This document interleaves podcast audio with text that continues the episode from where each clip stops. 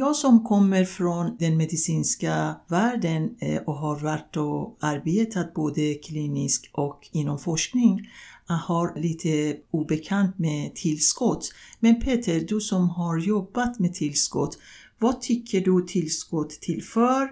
Finns det vetenskapliga bevis på att tillskott och det som kallas för supermat hjälper hjärnan och förbättra sin funktion? Räcker det inte att man äter bara hälsosam husmanskost? Kosttillskott är ett ganska brett begrepp.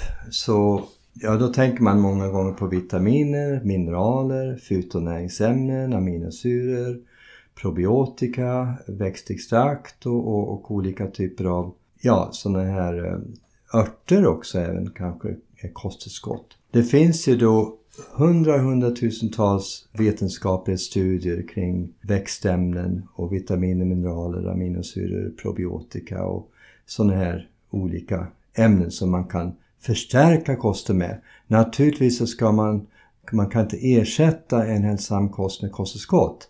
Men man kan förstärka oavsett om man har en sämre kost eller bättre kost. Och det finns, jag har ju skrivit en bok för ungefär 15 år sedan med 1200 referenser, vetenskapliga referenser till vitaminmineraler. Den heter Näringsmedicinska uppslagsboken och 833 sidor.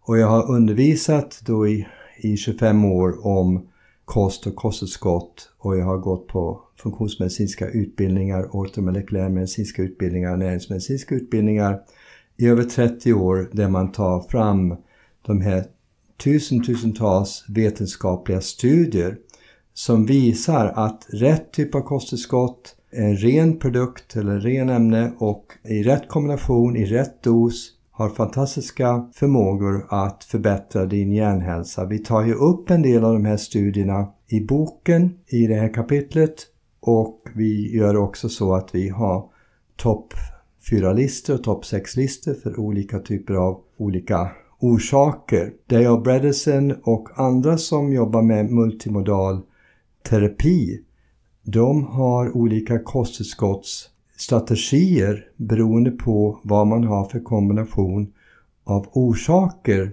till kognitiv nedsättning. Så det kan vara Vissa kosttillskott tar man mer av om man har inflammation eller om man har insulinresistens eller om man har infektioner för att just hjälpa kroppen tillbaka och hjälpa hjärnan tillbaka till ett friskt tillstånd.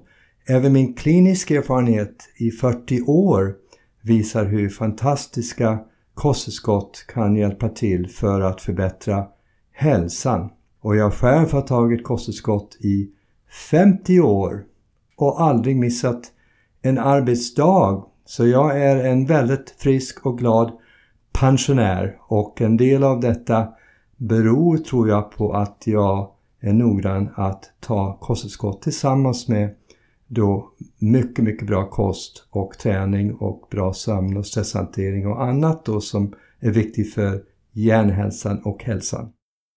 Heidi, varför finns det så många listor om näringsämnen och supermat i boken? Finns det inte bara en enkel rekommendation på några stycken för en bättre hjärnhälsa? Till exempel, räcker det inte att ta en multivitamin och D-vitamin som är i ropet just nu? Ja Peter, det här är en bra fråga och då måste jag gå tillbaka när vi pratade om individanpassad kosthållning och det kommer samma sak här. Jag personligen brukar alltid titta på individens värde och utgår ifrån vilka eh, brister eller obalanser finns i värdena och försöka att balansera dem. Och för mig har varit eh, mest kraftfull med tanke på att jag är tränad på beredelsens protokoll vad gäller eh, hjärnhälsa och återställning av kognitiva nedsättningar att det här har funkat jättebra med tanke på att jag vet redan om den här patienten eller klienten har sin nedsättning på grund av många näringsbrister och specifikt vad det fattas och vilken strategi ska jag ta för att hjälpa dig så snabbt komma tillbaka till den optimala nivån och inte normal referenser som de flesta hänvisar till för att optimala värden är vad det gäller när det gäller hjärnhälsan.